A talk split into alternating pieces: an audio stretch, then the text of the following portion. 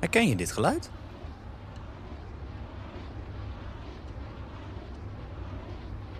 Het is het zoeven van windmolenwieken door de wind.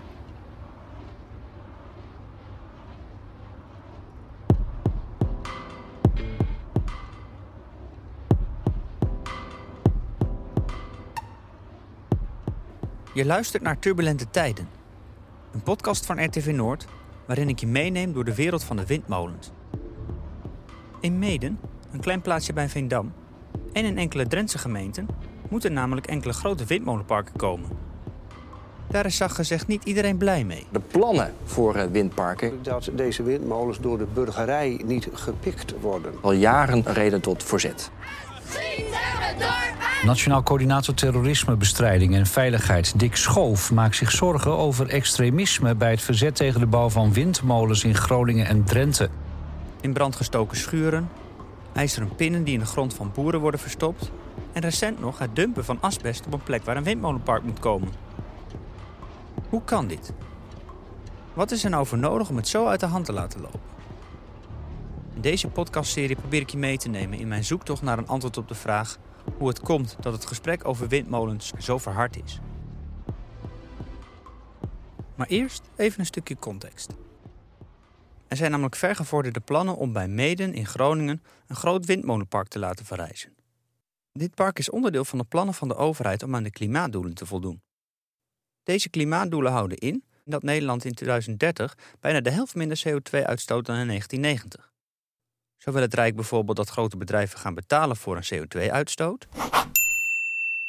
Dat per jaar minimaal 300.000 woningen energiezuiniger worden.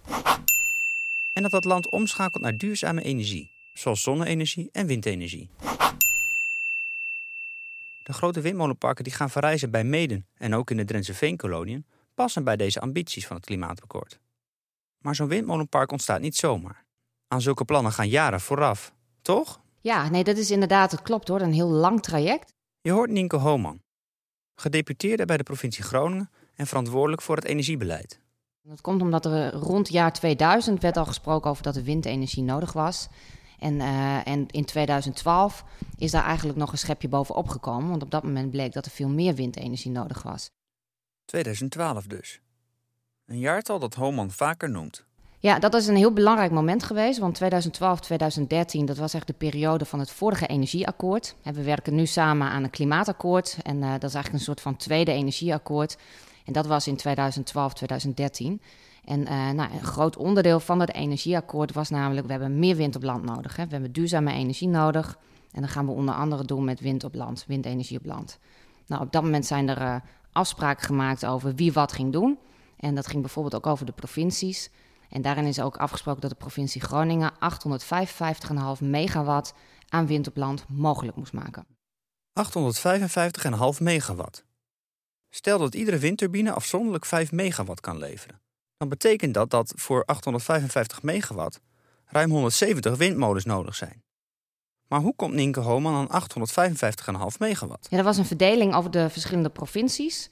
Uh, 6000 megawatt in totaal, waarvan Groningen 855,5 op zich heeft genomen destijds. Hmm, 855,5 megawatt. Dat klinkt veel. Ik vraag me af hoe die verdeling tot stand komt. Destijds is afgesproken hè, van, op basis van bijvoorbeeld de grootte van de provincies, uh, uh, maar ook uh, wind. Hè. We hebben natuurlijk gewoon meer wind in Groningen. Het waait hier harder dan in Limburg, om maar even heel simpel te zeggen. En op basis van een aantal van dat soort variabelen is er toen voor gekozen om in Groningen 855,5 megawatt op te wekken. Als ik het goed heb, is in Flevoland, een, een, vergelijkbare provincie wat dat betreft, gekozen voor, nou ik geloof 1200 megawatt. En dus ja, dat, dat zijn wel, op dat moment is daar toen, nou ja, zijn daar afspraken over gemaakt tussen het Rijk en de provincies. Dus daar hebben de, de provincies ook een handtekening onder gezet. En die zijn ook bevestigd in de provinciale staten. En dat betekent dat die windmolens dus een plek moeten krijgen. Je zou daarbij denken dat ze niet zomaar overal geplaatst kunnen worden. Maar wie bepaalt dan waar ze wel zouden moeten komen? Ja, dat is natuurlijk wel waar de provincie echt uh, nou, de kerntaak heeft, namelijk een ruimtelijke ordening. En uh, het uitgangspunt hier was aansluitend bij industriegebieden. En op dat moment waren er ook al windmolens gepland nabij de N33. En er is eigenlijk voor gekozen toen om uh, ook aansluitend aan die reeds geplande parken, of windmolens moet ik zeggen, om daar ook meer windmolens mogelijk te maken. En dat is toen nou ja, zijn er heel veel varianten eigenlijk op tafel geweest.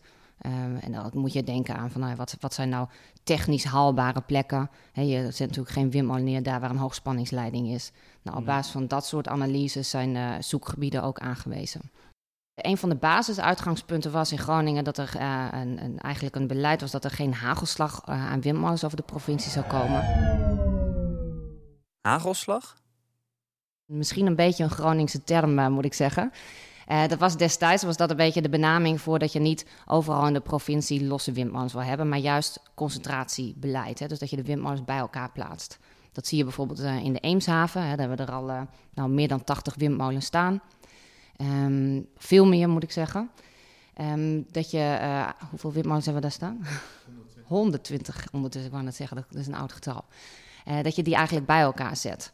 Nou, en dat, uh, daar is destijds ook echt bewust voor gekozen. Hè. We willen dat bij elkaar hebben en niet verspreid door de provincie. Dat is op basis van uh, nou, landschappelijke inpasbaarheid. Hè. Wat vind je nou landschappelijk gezien mooi? Dat is natuurlijk ook wel een beetje een kwestie van smaak. En op dat moment, dat is natuurlijk onze hoogste democratische orde daarin, is natuurlijk zijn gewoon de staten. En die gaan ook over de omgevingsverordening en de omgevingsvisie. En daarin maak je afspraken over hoe ga je dat nou doen. En waar vind je dat passend? En toen is gezegd, nou dat doen we op geconcentreerde plekken, dus bij elkaar, nabij industriegebieden. Maar waar overheden plannen maken, zijn er ook burgers die met de plannen en met de consequenties daarvan in aanraking komen. Ik sprak daarom onder andere met Rob Rietveld.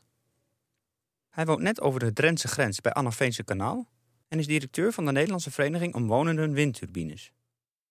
Hij herinnert zich de eerste keer nog wel dat hij met vergelijkbare Drentse windmolenplannen in aanraking kwam. Het gaat dan om april 2011. Op dat moment had ik uh, eventjes uh, wat meer tijd en ik uh, liep bij vrienden hier langs en die, en, die, en die zouden naar de provincie toe gaan omdat ze iets gehoord hadden over windplannen in het gebied. Er vielen wat mensen uit. Ik zei van nou ja, ik heb wel tijd, ik ga wel mee. Dus ik mee naar de provincie toe en toen werd daar een kaart neergelegd met wat er in de veenkoloniën, dus Emmen, Koevoorde, uh, maar uiteindelijk aan de Drentse kant hebben, praat ik nu over, lag er alleen al voor 3600 megawatt aan plannen die ingediend waren bij de provincie in dit gebied. Aan 3600, dat zijn dan 1200 turbines. Nou, dat, ja, dat was gigantisch. Dat, het hele gebied was ja, één groot windpark geworden. Een groot deel overlapte wel met elkaar, dus ze konden nooit allemaal tegelijk worden, tijd worden gerealiseerd. Maar er lagen voor 3600 megawatt aan initiatieven lag er bij de provincie op dat moment. Een andere omwonende is Lies Zondag. Zij is bestuurslid van de actiegroep Tegenwind N33 en is ook gemeenteraadslid in Veendam. Wij zijn hier komen wonen in 2000. Hier is aan de Ommerlandenwijk, net ten oosten van Veendam. En uh, toen was er helemaal geen sprake, althans in mijn beleving, het is nooit genoemd toen wij hier kwamen wonen, dat hier überhaupt ooit windmolens zouden komen, windturbines, laat ik het dan zo zeggen. Nou blijkt het dus dat er vanaf 2008 een, uh, begon het in de kranten verschijnen dat er een, mogelijk hier een windpark zou komen in de gemeente Veendam. Het was niet echt wat ze wilden. Ze stapte naar de gemeente Veendam om te vragen hoe de gemeenteraad tegenover deze windmolenplannen bij Meden stond. Die zei van nee, dat gaan we echt niet doen. Dus ja, dan ben je als inwoner gerustgesteld, want je denkt je gemeente kan dat bepalen of hier windmolens komen of niet. Toen was het een tijdje stil en toen was het in 2011 in januari 2011, toen sloeg ik de krant open en toen stond er, er komt een windpark uh, langs de N33 van, van Bareveld tot aan Zuidbroek. Nou, en toen schoot het hart me helemaal in de keel. Toen dacht ik, ja, nou, dit, hoe is dit in godsnaam mogelijk? Hoe kan dit? Dus er ging ook direct een actiegroep van start. En ik uh, heb die mensen gebeld en, en gezegd van, wat, een goed initiatief. En kan ik misschien uh, me bij jullie aansluiten, want ik ben dezelfde mening toegedaan. Maar van harte ging haar openlijke tegenstand tegenover het windpark niet. Voor die tijd had ik zoiets van: ik, ik, ik durf niet eens hardop te zeggen dat ik tegen windmolens ben. Want ik dacht uh, als, als gemiddelde Nederlander dat uh, windmolens belangrijk waren voor het milieu. Hè? En ik was toch eigenlijk iemand die het milieu weliswaar niet op plek 1 in, in, hè, op mijn boodschappenlijstje heb staan, maar toch wel op een goede tweede, derde of vierde plek. Hè. Ik, ik besteed er aandacht aan. We, we scheiden de kranten en, en, en we hebben ons huis goed geïsoleerd naar, naar de laatste normen toen we het verbouwd hebben. Dubbel glas, overal spaarlampen in. Ik dacht nog dat dat goed was. Dus ja, ik had zoiets van, dan kan ik toch niet tegen windmolens zijn. Dat werd ze wel. Ook Rob Rietveld werd een kritische burger. Hij reageerde erop door Een actiegroep op te richten. Hè. Al hebben wij hem opgericht als een vereniging.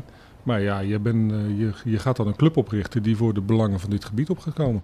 Op dat moment ga je je verdiepen. Ja, wat speelt er nou? Wat is er mogelijk? Wie is hier verantwoordelijk voor? En hoe kan het nou dat dit gebeurd is? Ja, op het moment dat je een eh, organisatie hebt opgezet, dan kan je dus gaan praten met, eh, met, met de gemeente en met de provincie. Eh, en dan is het gewoon, ja, er is nooit een hele waarheid lijkt het. Je moet allemaal stukjes en fladder bij elkaar zien te krijgen. En op een gegeven moment ontstaat er wel een beeld hoe het in elkaar zit. Die puzzelstukjes blijken lastig te vinden. Er spelen zoveel belangen en er zijn zoveel perspectieven om naar te kijken. Puzzel is dus nog lang niet gelegd.